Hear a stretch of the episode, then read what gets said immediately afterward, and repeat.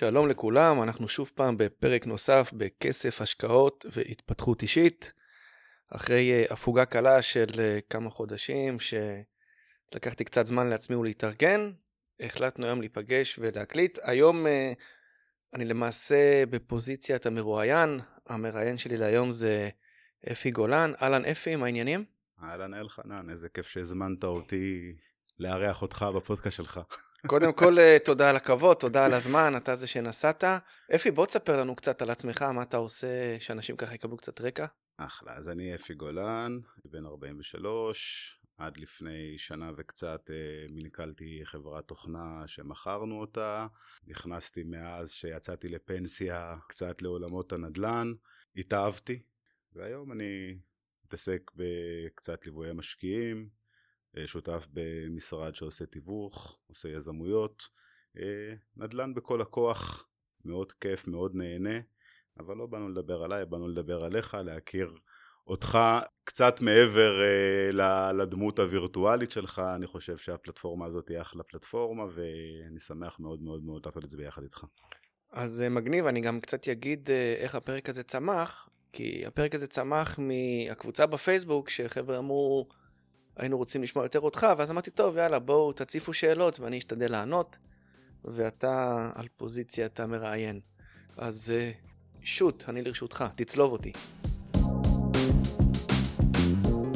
טוב, קודם כל אני חושב שזה אחלה, אחלה רעיון לעשות את הפודקאסט הזה, כי באמת יש הרבה מאוד התעניינות. אה, מי שעוקב אחריך, ואני אחד מהם, אתה מעורר הרבה מאוד סקרנות, אתה מייצר הרבה מאוד ערך ואני חושב שאנשים רוצים להכיר אותך יותר אז בוא, בוא מי שלא מכיר עדיין אה, אולי תציג את עצמך בכמה משפטים. אז כן אני אשתדל להיות מתומצת לא אתן פה את כל הקורות חיים. אני תמיד תמיד תמיד מתחיל מהדברים החשובים. אני נשוי אה, אני בן 48 נשוי לאישה מדהימה בשם הילה. יש לי שלושה ילדים בת בכורה ושני בנים וזה מבחינתי זה מה שמגדיר את עצמי. אה, עשיתי תואר אה, דוקטור אה, במדעים, דוקטור לנוירוביוכימיה, עסקתי בעולם המדע, עסקתי בעולם הפיתוח תרופות. כמו שהעוקבים יודעים, התפטרתי לפני כמה שנים מעבודה, והיום אני מתעסק בעיקר בהשקעות נדל"ן, בייעוץ, בהכשרה של משקיעים, וכמובן בבלוג ובדעות שאני אוהב לשתף. זה ככה בקצרה. שכחת לספר שבילית כמה שנים טובות בסין, אז uh, בטוח שגיבשת לעצמך איזושהי uh, פילוסופיה. אז בוא ספר לנו קצת על פילוסופיית החיים שלך ואיפה היא פוגשת אותך בעולם היזמות ועולם ההשקעות בכלל. אז, אז נכון, uh, אני ביליתי כמה שנים בסין, למעשה סיימתי את התואר הראשון שלי והיה לי סוג של חלום ילדות לנסוע לסין. עכשיו, אני אענה על השאלה שלך בצורה אחרת, זאת אומרת, זה לא שהחיים בסין עיצבו לי איזושהי פילוסופיה, אבל אולי בגלל פילוסופיית חיים וחינוך הגעתי גם לסין. אה, ההורים שלי תמיד לימדו אותי, אמא שלי, זיכרונה לברכה, תמיד אמרה לי, אה, כששאלתי אותה, אמא, תגידי, איך, אה, איך גרמת לי לעשות דברים שאני רק רוצה בחיים? ואז היא אמרה לי דבר, משפט מאוד מאוד יפה, שאחרי זה הבנתי שזה גם בכלל משפט של הדלאי למה. היא באה ואמרה לי, התפקיד שלנו כהורים, לתת לכם הילדים שורשים וכנפיים. שורשים שתדעו מאיפה באתם ולאן לחזור, וכנפיים שתוכלו לעוף הכי רחוק שאתם יכולים למקומות שאתם רוצים. אז uh, כשאני סיימתי את התואר הראשון, uh, היה לי חלום, ילדות, ראיתי את עצמי uh, מדבר סינית, ואמרתי זה הזמן להגשים את החלום, ארזתי מזוודות, טסתי לסין, אני גם מתעסק באמנויות לחימה, אז ככה שזו הייתה הזדמנות מעולה עבורי גם להתחבר למורה, למאסטר שחיפשתי, ולמעשה הקדשתי את עצמי שם לשתי תחומים עיקריים. אה, לימוד סינית, אז ככה שאני יודע גם לקרוא, גם לכתוב, גם לדבר סינית, וגם uh, התמקדתי uh, בעולם אמנויות הלחימה. פילוסופיית החיים שלי היא מאוד פשוטה, היא נשמעת אולי טיפ-טיפה יומרנית, אבל uh, לפי דעתי זה גם מתבטא בכתיבה שלי. אני תמיד אומר שכל אחד שנולד, הוא תמיד נולד עם uh, שעון חול שצמוד לו על הגב. מהנשימה הראשונה שלנו, השעון חול הזה, הגרגירים כל הזמן נופלים, החיסרון הוא, כשהגרגיר האחרון נופל, אנחנו למעשה מפסיקים uh, לחיות, אנחנו אף פעם לא יודעים מתי זה קורה. מכיוון שאנחנו לא יודעים מתי זה קורה, אני בגישה של אני רוצה מצד אחד לחיות, אבל אני רוצה גם לחיות טוב. אני לא רוצה להיות אורח בחיים האלה ולסיים אותם בלי שעשיתי כלום. אני רוצה בנוסף, נקרא לזה לקריירה, לשאיפות פיננסיות כאלה ואחרות, חשוב לי גם ליהנות מכל רגע. וזה גם נוגע אה, לעולם ההשקעות, כי אחרי שאתה מבלה באקדמיה הרבה מאוד שנים ואתה יוצא לשוק העבודה, אתה פתאום מגלה שאתה מוכר את הזמן שלך.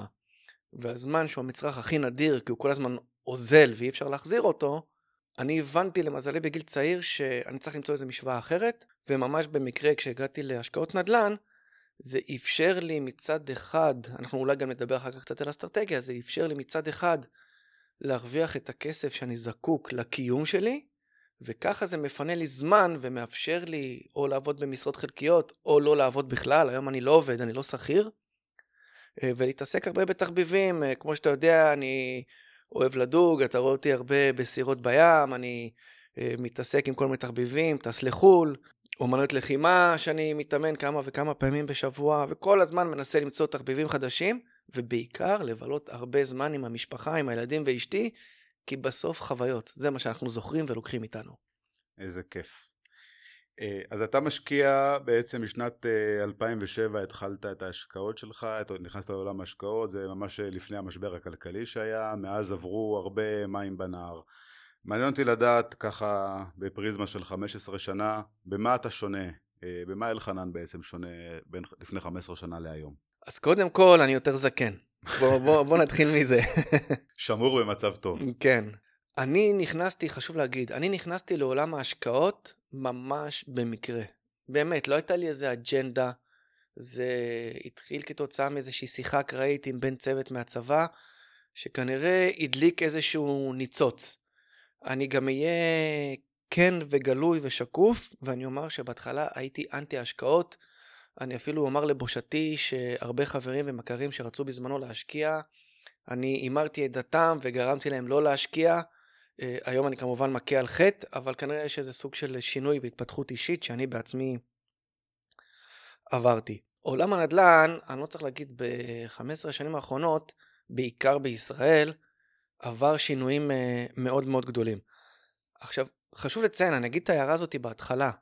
הרבה אנשים באים ואומרים לי, אה, איזה חוכמולוג, התחלת להשקיע ב-2007, 2008, המחירים אז היו 30 אחוז, 40 אחוז, 20 אחוז ממה שהם אה, שווים היום, חוכמולוג. אני אומר, מצד אחד, אני לא חוכמולוג, כי אם הייתי חכם אז הייתי קונה מן הסתם הרבה יותר. אז אני, אה, אתם צריכים להבין, המציאות שהיינו אז, היום בדיעבד נורא קל לראות את זה, אתה, אתה לא ראית את זה. ושתיים, אני אומר, אם אתם חושבים שאני חוכמולוג, אז למה אתם לא עשיתם את זה? עכשיו, זה נשמע קצת יומרני ויהיר, אבל זאת המציאות. אני גם היום, כשאנשים אומרים לי את זה, אני אומר, חבר'ה, היום אנחנו נמצאים, תסתכלו איפה אתם תהיו בעוד 15 שנה. אתם לא רוצים למצוא את עצמכם בעוד 15 שנה, אומרים, למה לא קנינו? לכן כל נקודה וכל יום, כל נקודת זמן היא נקודה טובה להתחיל. עכשיו, הרבה דברים השתנו בעולם הנדל"ן וזה גם השפיע עליי כמשקיע. אני רק אעשה, נקרא לזה, סקירה חלקית. פעם אה, מס רכישה על דירה שנייה היה שלוש או שלושה וחצי אחוזים אם אני זוכר. אה, פעם לא משנה כמה דירות היו לך, אחת לארבע שנים היית יכול למכור אחת מהן בפטור. אה, אחרי זה העלו את מס הרכישה לחמישה אחוזים. אחרי זה הורידו את המינוף, היינו יכולים לקחת מינוף של 90-95 אחוז, הורידו אותו ל-70 אחוז. אחרי זה מ-70 אחוז הורידו את יכולת המינוף ל-50 אחוז, אני מדבר לדירה שנייה, נוספת. בדיוק, לדירה נוספת אה, והלאה, כמו שאנחנו מכירים. אחרי זה בא כחלון אה, ורצה לנסות לעשות תרגיל מיסוי מס דירה שלישית. לפני כחלון, יאיר לפיד רצה להכניס אה, פטור ממע"מ, מע"מ אפס, כדי להוזיל את אה, מחירי הדירות. אחרי זה הורידו את מס הרכישה מ-8% ל-5%. אחרי זה זה נגמר, העלו חזרה מ-5% ל-8%. באמצע היה לנו את, אתם זוכרים, את שטייניץ ואת ביבי, את תוכניות הסופר טנקר ופטיש 5...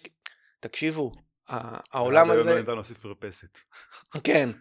היום זה, זה כל כך דינמי, זה שוק שהוא כל הזמן משתנה. עכשיו, כשאני התחלתי, אה, אני לא הסתכלתי על עליות ערך, כי אחד, הייתי חסר ניסיון. שתיים, לא ידעתי להסתכל על השוק באמת בראייה רחוקה. אני הסתכלתי אז במטרה מאוד מאוד ספציפית. מה אני עושה כדי שיהיה לי תזרים מזומנים. המטרה שלי הייתה תזרים מזומנים. לכן אני חיפשתי רק עסקאות של תזרים מזומנים, כמובן שהמחירים אפשרו לי, התשואות אפשרו לי, השכירויות שהיו גבוהות יחסית ביחס למחיר אפשרו לי את זה, והמינופים המטורפים, זאת אומרת, היו דירות שהיית קונה ב-200, 250, 300, 400, 500 אלף שקל, שהוא משאירות לך תזרים מזומנים של 1,500, 2,000 שקל לדירה. זה, זה מטורף, אז תעשה חישוב 3, 4, 5 דירות כאלה, סוג של משכורת. בהחלט. אז זה, זה, זה היה העולם. לאט לאט אה, אנחנו מבינים מה קרה אה, עם ההורדות ריבית אחרי המשבר בארצות הברית וכל מה שקרה, אה, שזה גם כן מדהים. אני זוכר שיחות שלי עם משקיעים, שכשהבועה בארצות הברית היה משבר הסאב פריים, היינו בטוחים, הפסקנו לקנות פה דירות, כי היינו בטוחים שאם המחירי דירות יורדים בארצות הברית, גם בארץ זה יקרה. אבל זה, זה מדהים, אתה אף פעם במשבר, אתה אף פעם לא יכול לעשות מה יקרה.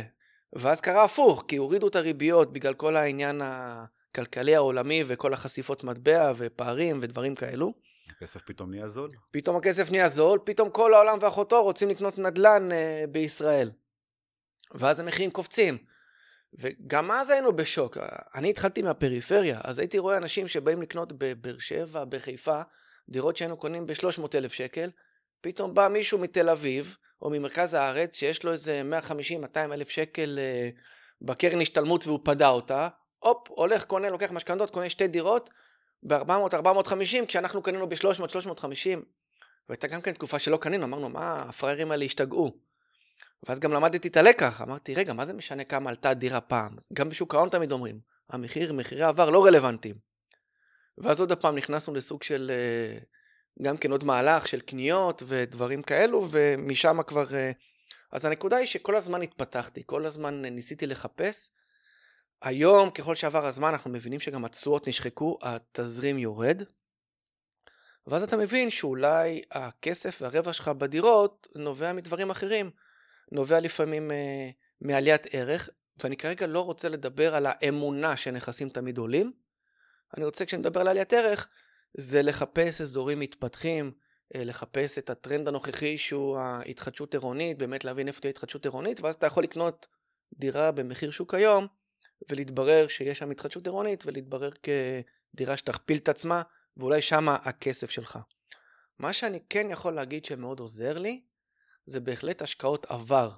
כי ההתמקדות בעבר על תזרים מזומנים אה, קצת הקלה לי על החיים, כי כשיש תקופות קשות, אה, והמציאות הכלכלית בחוץ משתנה, והדירות שלך, יש להם תזרים, זה בסופו של דבר, אני תמיד אומר, תזרים זה כמו, כמו חמצן. בסוף זה נותן לך אפשרות לישון ולנשום. אז אם אתה, יש לך מספיק תזרים, אתה לא משנה איזה זעזועים יש, אתה יכול לסבול אותו, התזרים אגב יכול לרדת, אבל כל עוד הוא מאפשר לך לשים אוכל על השולחן ולא לפגוע ברמת החיים שלך, אתה בסדר. מעולה. אה, התחלת קצת אה, לדבר על אה, מדיניות או אי מדיניות ממשלתית בנוגע למשקיעים. אז כל שר אוצר שנכנס מביא איתו את הגחמות שלו ומנסה להשאיר חותם ולהשפיע על השוק. כחלון ראה בנו אויבים וישראל כץ היה צריך את הכסף של המשקיעים חזרה הביתה אז הוא הוריד את מס הרכישה. המשקיעים הקשיבו ובאו ואז ליברמן העלה בחזרה למעשה מרגיש שאין באמת אה, תוכנית אלא יותר גחמות וכיבוי שרפות. מה בכלל אתה חושב על אה, התערבות ממשלתית אה, בהיבט הזה? תראה, התערבות ממשלתית כמו שאנחנו יודעים גם במדינות אחרות, בעניין של מחירי הדיור, או נקרא לזה רגולציות, כי הם מנסים להגביל את uh, גובה השכירות, הם מנסים להגביל uh, uh, חוזים, שאסור להרים אה, שכירות מחוזה לחוזה, ובן אדם שנשאר, אז השכירות נשארת קבועה, כל מיני דברים כאלה של פוליטיקאים. אנחנו צריכים לעשות הפרדה. קודם כל, פוליטיקאי חייב להיות פופוליסט, כי הוא חייב לייצר מצג שהוא עושה משהו למען הבוחרים שלו. עכשיו, בואו נשים את הדברים על השולחן. משקיעים הם אוכלוסיית מיעוט. רוב האנשים הם לא, לא משקיעים. הם לא מחזיקים 2, 3, 4, 5 דירות. רוב האנשים מחזיקים אולי בדירה אחת, ויש גם הרבה מאוד שאפילו בדירה אחת לא מחזיקים. לכן נורא קל לפנות לאלו שאין להם שהם הרוב, ולשים איזושהי אצבע מאשימה, ובמקרה הזה של מחירי הדיור, הפוליטיקאים שמים את האצבע המאשימה על המשקיעים, כי יש, יש מציירים אותנו כעשירים, כשיילוקים, נדל"ן, טייקון... כל בחור עם שניים וחצי בתים של חצי מיליון שקל הוא טייקון נדל"ן. כן, עכשיו חבר'ה, רוב המשקיעים זה אנשים שקנו בדימונה דירות, קנו בשדרות דירות, קנו במצפה רמון, בירוחם, בעפולה, בחיפה, בקריית שמונה. רוב המשקיעים, הרוב הגדול, זה לא משקיעים שקונים נכסים בפארק צמרת בתל אביב. זה אנשים שקונים דירות ונכסים בכמה מאות אלפי שקלים, כי הם מבינים שהם צריכים סוג של איזשהו בטוחה. אז, אז הם לא באמת אשי אלוקים, וחשוב גם להבין. זה גם אנשים שהם עבדו, חלקם בעלי עסקים, חלקם עצמאים, חלקם אה, לפעמים עוסק פטור או עוסק מורשה, אה, שכירים בכל מיני חברות, ששילמו מס מלא על הכסף שלהם. זה לא כסף שהם גנבו, הכסף לא גדל על העצים, אף אחד לא תכמן, הם פשוט החליטו לקחת סיכונים, והם האמינו במוצר שהוא טוב, והם קנו והשקיעו, והתברר שהם הצליחו. אם הם לא היו מצליחים, אף אחד לא היה פותח אה, עליהם עיניים. עוד בעיה עם פוליטיקאים, שקשה להם במציאות הנוכחית לייצר תוצאות. כשאנחנו מסתכלים על זמן קדנציה של uh, כמה, שנתיים זה הזמן הממוצע של קדנציה, כשבחירות אמורות להיות uh, פעם בארבע שנים, איזה אינטרס יש לפוליטיקאי לייצר פתרון אמיתי, כשהוא יודע שמי שיגזור את הקופון על ההצלחה הזאת, יהיה רק בעוד חמש-שש שנים, ואף אחד לא יודע אם הוא יהיה בעוד חמש-שש-שבע שנים על הכיסא. אז הם כל הזמן מנסים uh, מה שנקרא לייצר סיסמאות, לייצר בין פתרונות זמניים, כל מיני תוכניות אה, הזויות. אבל בוא ניתן לך רעיון. כולם יודעים שכדי להוריד את המחיר קרקע אומרים אה, את המחיר אה, דירות, בוא נשחרר קרקעות, שקרקעות יהיו בזול וכמה שנציב את השוק יהיה טוב. אבל יש גם עוד פתרונות. תחשוב לך שיקחו ערים בפריפריה ותבוא המדינה ותגיד, אתם יודעים מה? יש הרבה בנייני רכבת והרבה בניינים ישנים בפריפריה. ב... ואני מדבר על מרכזי אוכלוסייה כמו באר שבע, שדרות, אה, נתיבות, עפולה, כל מיני ערים כאלו שהם סוג של איזה אבן מושכת באזור שלהם. והממשלה תבוא ותגיד, אתם יודעים מה? אנחנו מעודדים יזמים לעשות פינוי-בינוי, ואנחנו באים לדבר כזה, אומרים ליזמים, בואו, אנחנו נכנסים איתכם כשותפים בפינוי-בינוי, אתם תקבלו הלוואות ללא ריבית בערבות מדינה, כי הרי מה, מה היזמים חוששים? לא להרוויח, הם מפחדים לבנות בפריפריה, ובגלל שהדירות זולות הם לא ירוויחו. אז אני אומר, בואי, שהמדינה תיתן תעודת ביטוח. תעזרו ליזמים להיכנס לפרויקטים האלו, ותיתנו להם את ההלוואות שמגלמות את הרווח הזה של היזמים בערבות מדינה, כשהיזם יהיה לו מספיק אורך נשימה למכור את הדירות, כי ייקח לו כמה שנים למכור אותם, ובמהלך שהוא מוכר הוא כל פעם מחזיר לכם את ההלוואה, ככה יוצא שגם הקבלן הרוויח את ה-10-15 אחוזים שלו מהפרויקט, אבל זה נעשה במימון מדינה, הוא לא צריך להיות לחוץ שהוא לא יצליח למכור. הרי למה יזמים פוחדים לבנות uh, התחדשות עירונית בפריפריה? כי הם אומרים, מי יקנה? זה לא כלכלי לי, אני צריך מכפילים גדולים.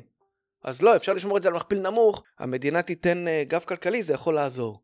סתם זרקתי עכשיו רעיון, כן? וגם על הדרך חיזקת מבנים מפני רעידות אדמה, שזה גם כן משהו שאף אחד כבר לא מדבר עליו. בהחלט, עכשיו, אנחנו כולם יודעים שזה לא אם, זה מתי. אז תחשוב על איזה ועדת חקירה תהיה פה, שתהיה פה רעידת אדמה, כי אנחנו יושבים על השבר הסורי-אפריקאי, השבר הכי משמעותי בכדור הארץ, מפגש של אה, שתי היבשות הכי גדולות, אפריקה ואסיה, כשהם יתנגשו אחת בשנייה ותהיה פה רעידת אדמה מטורפת, ימותו פה אנשים בעשרות או מאות אלפים, מי ייתן על זה את הדין? קצת מדהים שזה כבר כל כך הרבה שנים אה, כל עניין התמ"א וההתחדשות העירונית קיים והמהירות שזה זז אה, זה פשוט אה, מקומם. אה, באופן קצת יותר רחב אה, התחלת קצת לדבר על הממשלה ועל אה, איך, שהמד... איך מדינה בעצם רואה אותנו. מי שקורא אותך ועוקב אחריך קצת אה, מבין שאתה לא ממש סומך על המדינה ועל האינטרסים שלה בכל הנוגע לרשתות הביטחון שהיא מחויבת לנו, במיוחד בגילאים המתקדמים יותר, פנסיות, ביטוח לאומי וכל הנושא הזה. אם תוכל ככה לתת על זה מספר מילים, על הדרך שלך להתמודד עם חוסר האמון במערכות האלה שאמורות להגן עלינו.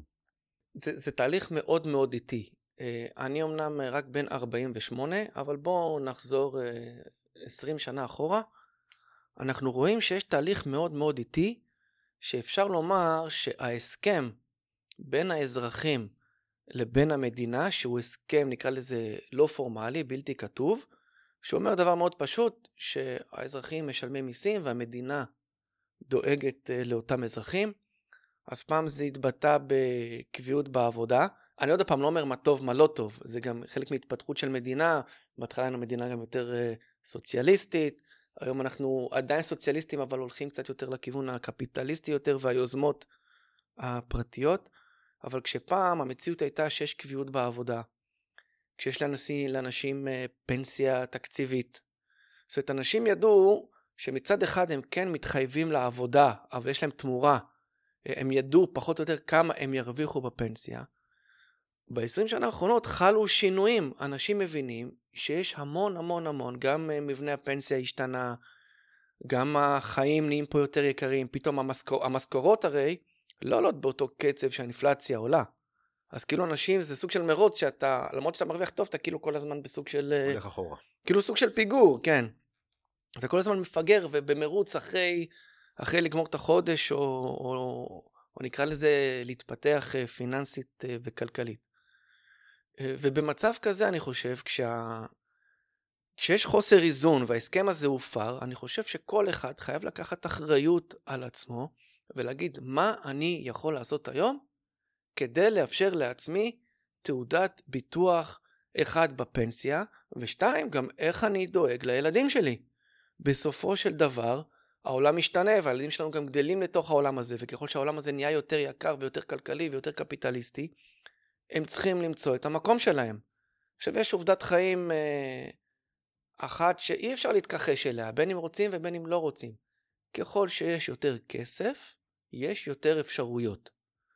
עכשיו כסף הוא לא, אני לא אתחיל עכשיו פה בסיסמאות, כסף הוא לא מטרה, כסף הוא אמצעי, אבל צריך להבין שכסף הוא מאפשר. ואם אתם רוצים לאפשר לעצמכם דברים, ואם אתם רוצים לאפשר לילדים שלכם יותר דברים, בואו תחשבו איך אתם עושים את זה. התפקיד שלנו כהורים גם לתת להם מקפצות לחיים, וככל שהמקפצה יותר גדולה, יהיה להם אולי יותר סיכוי. עוד פעם, זה אולי לא נשמע אידיאליסטי, אבל אלה החיים וזאת המציאות, ואני שאלתי את עצמי, מה אני יכול לעשות? ולכן בהתאם לזה, אה, אני פועל. וזה נובע מאותו חוסר אמון של, אה, שאם אני לא אדאג לילדים, אז באמת אף אחד לא ידאג להם. ואני לא רוצה שהם יהיו נתמכי סעד כאלה ואחרים. אני חושב שהם קצת uh, הרוויחו ב- ביושר את חוסר האמון הזה. אז בוא תן אולי איזה עצה אחת או שניים uh, לשר האוצר ולשר הבינוי והשיכון, איך uh, להתמודד עם יוקר המחיה בכלל, משבר הדיור בפרט. אנחנו, אני חושב שזו מציאות שנוגעת בכולנו, בין אם זה משקיע או בין אם זה זוג צעיר ש... שלא מצליח אפילו לחלום על דירה ראשונה. תראה, בקטע של יוקר המחיה, אה, אני, אני קטונתי, אני גם לא, אני גם לא כלכלן ודברים כאלה. בעניינים של הדיור, אז הרעיון שזרקתי בקטע של התחדשות עירונית שהמדינה תשתתף, עכשיו לא אומר שהיא תשתתף, אני רק אומר שהיא תיתן תעודת ביטוח ליזמים. הרי יזם חייב להרוויח. אם המדינה תיתן לו את התעודת ביטוח, יהיה לו אינטרס עכשיו גם ללכת על פרויקט שהיום הוא פחות רווחי. אבל אם יש לו את תעודת ביטוח שהאחוז רווח שלו נשמר והמדינה מגבה אותו, אז מצוין, אז גם ייקח לו 7, 8, 10 שנים למכור את הפרויקט, אבל המדינה כבר שילמה על זה. הוא כאילו מחזיר את זה דרך המכירות האלה ומשאיר את הרווח אצלו. אה, זה מעולה. כמובן שאנחנו מדברים על אה, הצפה של קרקעות. אני חושב אה, שמערכת החינוך שלנו היא מערכת בדיליי רציני. זאת אומרת, העולם השתנה, מערכת החינוך לא השתנתה. אנחנו כולנו מחנכים את הילדים היום, אה, עדיין מערכת החינוך בנויה בצורה, עוד הפעם, סוציאליסטית, להכשיר את כולם, שיהיו עובדים טובים, שיהיו שכירים טובים, שיעבדו במפעלים, אבל זה היה נחמד כשהיה קביעות והיה הכל והיה פנסיה. היום, אה, אני מתכוון פנסיה תקציבית, היום המודלים האלה לא קיימים, אז צריך אולי לפתח את העניין של ה... את עניין היזמות. שאנשים לעודד אותם, לעשות עסקים, כי בסוף רוב הכלכלה נשענת לא על שכירים, היא נשענת על עסקים ובעלי עסקים וחברות, כי הם משלמים את המיסוי. כל שכיר בסוף עובד בתוך עסק, והעסק הזה מעביר מיסים. לא משנה אם זה עסק, אה, נקרא לזה ממשלתי או פרטי, עדיף שיהיה פרטי. אנחנו גם רואים דוגמאות. אנחנו רואים, אה, אה, קח את אה, תוכנית החלל של ישראל. אם, במימון ממשלתי לא קרה כלום. כשבאו יזמים פרטיים עם כסף פרטי, הנה הרמנו חללית לחלל. אמנם היא בסוף התרסקה על הירח, לצערנו, אה, בראשית אם אני לא טועה, נכון. אבל הם כבר עובדים על בראשית 2, שאולי כן תנחת, אבל אנחנו רואים, גם אתה רואה את אילון מאסק, כמה זמן לקח לרוסים ולאמריקאים להעיף חלליות לחלל. היום אילון מאסק וג'ף בזוס, יזמים פרטיים, הולכים ומרימים, אה, ושכחתי, וריצ'רד אה, ברנסון, הולכים ומרימים פרויקטים ועושים טיסות אה, לאט לאט צ'רטרים לחלל. מטורף. אז אנחנו מבינים שהכסף הפרטי הוא עובד יותר מהר, הוא מאפשר לדברים להתקדם יותר מהר, ואני חושב שהמדינה צריכה להבין את זה ו... ולזרום עם זה ולעודד את זה. המדינה יכולה להתחיל בזה שהיא פחות תספסר בקרקעות אה, ויותר... אה, בסוף זה לגמרי בשליטה של המדינה. נכון, חשוב להבין, היום כל קרקע שנמכרת, אתה משלם 6% מס רכישה, אתה משלם 17% מע"מ, אז כשהרווח, או אתה יודע, אני, אני פוליטיקלי קורקט, נקרא לזה, כשההכנסות של המדינה נובעות באחוזים משווי הקרקע, אז איזה באמת אינטרס יש לה שהם ימכרו בזול? נכון. ככל שתהיה יותר יקרה, הכסף האבסולוטי באחוזים הוא יותר גבוה. בסוף, בסוף מי שיושב על השיבר הזה זה, זה לחלוטין המדינה על כל המנגנונים שהיא ייצרה בשביל זה. אה, אז אה, כפי שכל מי שפועל בשוק הנדל"ן יודע, בנק ישראל הגביל את האפשרות לחלץ כסף מהקירות, מדירות קיימות, מה שנקרא, לטובת רכישות דירות נוספות. מה אתה חושב על התערבות רגולטורית בשווקים, לדוגמת שוק המשכנתאות? מה, מה אתה חושב שבעצם מטרת המדינה? האם זה להגן על, המז... על האזרחים, על המוסדות הפיננסיים שלה, או בכלל להגדיל את הקופה הציבורית? יש סיסמאות ויש מציאות. אני חושב שעוד פעם זה השערה שלי, כל הקטע של אה, הגבלת מימון ל-50% מצד אחד כן נועד להגן על הבנקים, כי בסוף בנק זה, זה גוף עסקי. בנק מרוויח מזה שהוא נותן אה, הלוואות בריביות. עכשיו מן הסתם, בוא ניקח סתם דירה של מיליון שקל, אם פעם אפשר לקחת אה, 90 אחוז, זאת אומרת שהבנק היה מלווה 900 אלף שקל, זאת אומרת הרווח שלו באחוזים, נגיד אם זה אחוז אחד ריבית או שתי אחוז ריבית, זה על 900 אלף שקל, זה על קרן גדולה יותר. היום כשבנק ישראל הגביל אותם ל-50 אחוז, זה כבר 500 אלף. אז אם הריבית פחות או יותר זהה, עדיין הקרן קטנה, אז ההכנסות לבנקים הם קטנים. אז בא בנק ישראל ואמר להם, אה, אני מגביל את זה כדי להילחם במחירי הדיור. אחד, אנחנו רואים שזה לא עבד, מחירי הדיור המשיכו לעלות, כי מי שמאמין בנדל"ן, מבין שהוא אמנם צריך לשים יותר הון עצמי, אז הוא כן מוכן, נקרא לזה, להקריב את הקורבן. מצד שני, אנחנו גם יודעים שיש גם אפשרויות והיום אגב בגלל הדבר הזה, בגלל הרגולציה הזאתי, פתאום יש לנו הרבה גופים פרטיים, אנחנו עדיין לא כמו בארצות הברית, אבל התחילו לקום הרבה גופים פרטיים, הרבה קרנות, הרבה גופי מימון, שמציעים למשקיעים הלוואות חוץ בנקאיות. פשוט ו... משתכלל. עכשיו, הם, עכשיו המדהים הוא שהן מציעות לך לקחת הלוואות עד 80% מערך הנכס, וגם אין להם מגבלה של שנים, הם גם מציעים לך לפעמים ל-40 שנה. זאת אומרת, זה מטורף, כשבבנק אתה יכול לקבל 25-30 שנה מקסימום. אז פתאום, מצד אחד הרגולציה איכשהו נעלה את הבנקים, מצד שני היא מפתחת את השוק, כי באות יוזמות, אה, מה שנקרא, להיכנס לתוך, אה, לתוך הוואקום הזה. אתה אז... חושב שזה בכלל ישפיע על ההנחיות האלה? ישפיעו בכלל על מחירי הדיור? אנחנו רואים שלא. כאילו אנחנו, זה לא, אתה יודע, לא צריך אפילו לחכות ל... אנחנו ראינו שזה לא קרה כשירדו מ-90% ל-70%, וכשירדו מ-70% ל-50%, ועכשיו שכאילו ש... סגרו גם את השיבר שאתה אסור לך למשכן דירה ולמשוך כסף בשביל לקנות דירה נוספת, זה גם לא עבד. הגרפים לא משקרים, אז המחירים עולים. אנשים משקיע בסופו של דבר שהוא מאמין במוצר, והוא גם מבין את ההתנהלות של המדינה. בסוף, תראה, יש פה מחסור. אתה יודע מה? עזוב, אין מחסור. בוא נדבר שאין מחסור, אבל בוא נעשה מתמטיקה. אנחנו בעוד 30 שנה אוכלוסייה של 21 מיליון נפש. זאת אומרת, ב-30 שנה מתווספים לנו 11 מיליון נפשות במדינה. אם מי שיעשה חישוב ליניארי פשוט, למרות שאוכלוסייה לא גדלה ליניארית, יוצא שאנחנו צריכים להוסיף בין 100 ל-130 אלף דירות בשנה. הקצבי בנייה האלה לא, לא מספיקים. אז אנחנו מבינים שאם קצב בנייה לא מספיק והאוכלוסייה ממשיכה לגדול, מה יהיה עם המחירים? ימשיכו לעלות. אנחנו אבל כבר ש... שנים שומעים ששוק הנדל"ן הוא בועה, הוא מנופח. כנראה גם במידה רבה של צדק, המחירים הם כאלו שקשה לראות איך הילדים שלנו אה, יזכו לקנות אה, אה, נדל"ן אה, ללא סיוע משמעותי שלנו כ- כהורים, אה, או אם משהו באמת אה, מהותי ישתנה. אתה באמת חושב שזו בועה שיכולה להתפוצץ? או במילים אחרות, כדאי להמתין לירידות? תראה, בועות, בועות אה, גם כן כתשאל, אה, נקרא לזה כל כלכלן רציני, הוא יגיד לך שבועות תמיד יודעים שהם קרו בדיעבד.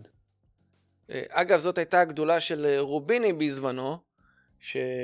שהוא אמר שיש בועת סאב פריים וכאלה, ועל זה הוא באמת אחר כך קיבל את הפרס נובל וזכה להכרה עולמית, אבל זה היחיד במינו. לרוב בועות לאורך ההיסטוריה אנחנו תמיד יודעים אחרי שהן, אחרי שהן uh, מתפוצצות. אז להגיד לך אם יש או אין בועה, אני לא יודע, אני לא, אני קטונתי. אנחנו כולנו יודעים שהמחירים הם בשיא. עכשיו אני גם אגיד עוד עובדה, בסוף המחירים ירדו מתישהו, זה, אתה יודע, זה גורל, זה, זה כלכלה. כל שוק, אין שוק שהוא רק עולה. המחירים יעלו, המחירים ירדו, אבל מה... ואז באמת באה השאלה, אז לקנות או לא לקנות. אבל אני כמשקיע פחות מסתכל אם השוק עולה או השוק יורד. אני כל עסקה שמגיעה ויכולה לעניין אותי, בין אם השוק בעלייה או השוק בירידה, אני משתדל להסתכל על עסקה 10-15 שנים קדימה. ואם היא עושה לי שכל, אז לא מעניין אותי אם מחר המחיר ירד או ייפול, כי אני אף פעם לא יודע, אף אחד לא יכול לחזות את העתיד. כמובן שאם היה לי כדור בדולח והייתי אומר שעוד חודש המחירים יהיו ב-100 אלף, אז הייתי מחכה את זה. אבל אף אחד לא יכול לדעת. היום יש לי עסקה עם הנתונים של העסקה, ויש לי רק דבר אחד ידוע לגבי העתיד, שאני יודע שהמגמה תמשיך לעלות. אני רק צריך להיות מספיק uh, ממושמע ועם כושר התמדה, להיות בתוך השוק בשביל ובכדי ליהנות מהמגמה הזאת. ואז כשאתה נכנס בצורת חשיבה כזאתי, אז אתה מוגן, גם אם אתה קנית נכס ובעוד שנה וחצי הוא ירד ב-15%, זה בסדר, כי קנית בלוקים והבלוקים האלה מושכרים. אלא אם כן עכשיו מישהו יגיד לי, אבל גם לא ישכירו לך את הדירה, אז אולי זה דווקא ההסבר להגיד למה חשוב שיהיה לך הרבה דירות. כי אם אחת או שניים לא תהיה מושכרות, אז יהיה לך כל השאר שיכסו עליהם. ואם מישהו יבוא ויגיד לי, אז אם יש לך 15 דירות ואף אחת מהן לא תהיה מושכרת, אז אני אגיד לו, אז הוא משקיע גרוע, ומשקיעים גרועים לא חסר, אז, אז יש את זה גם בשוק ההון ויש את זה גם בנדל"ן. אז אפשר תמיד להגיד ואם ואם ואם ואם. מי שיש לו את האם ואם ואם, אל תשקיע. אבל ראינו מה קורה, לא משנה אם אתה בנדל"ן ולא משנה אם אתה בשוק ההון. ראינו מה קורה למי שלא, מי שנמצא מחוץ לשוק. מי שנמצא מחוץ לשוק, הפוך את זה, הוא בפיגור פיננסי. מי שבתוך השוק והוא מתמיד, נהנה ממנו. אה, אני מסכים איתך לגמרי. אבל היום אנחנו גם בתור משקיעים וגם uh, בכלל אפילו לא כמשקיעים היום uh, מי, ש, מי שמתעסק בנדל"ן או בכלל אפילו שומע סיפורים משפחה חברים ממש ממש קשה כקונה לעשות uh, עסקאות נדל"ן בשוק הזה זה שוק שמוכרים שהוא כל הזמן טס למעלה uh, בטרללת uh, רבתי איך אתה חושב שאפשר לעשות עסקאות בשוק הזה? או איך נכון לעשות עסקאות בשוק הזה? קודם כל אף אחד לא אמר שהחיים פשוטים אבל אני עוד פעם אחזור, השוק באמת, אנחנו במקרה מדברים בתקופה שהשוק מטורף, אני לא צריך לספר לך את זה, גם אתה מסתובב ואתה רואה נכסים, אתה רואה נכס בפתח תקווה במיליון שמונה מאות, היום אתה מתקשר, קובע עם הבן אדם, אה, התקשרת אליו היום בשתיים אחר הצהריים ואתה קובע איתו למחר ב-11 בבוקר, אתה עושה טלפון ב-9 בבוקר בשביל להבין אם הפגישה עדיין מתקיימת, ואז הוא אומר לך, אומר לך אחד משניים, סליחה, לא רלוונטי, העסקה כבר בטיוטות כי מישהו אתמול סגר אותה, או שהוא בא ואומר לך, אה, כן, רק תדע שהיה עדכון מחיר, במקום מיליון שמונה מאות הם דורשים היום מיליון תשע מאות. אז השוק מטורלל, אבל אני אחזור על מה שאמרתי מלפני כמה משפטים כמענה לשאלה הקודמת. משקיעים נכנים ביכולת התמדה. אז נכון, אה, תיפול עסקה אחת, תיפול עסקה שנייה, תפספסו את השלישית, הרביעית, חמישית. מי שמחפש ומי שמתמיד, בסוף ימצא ויסגור את העסקה.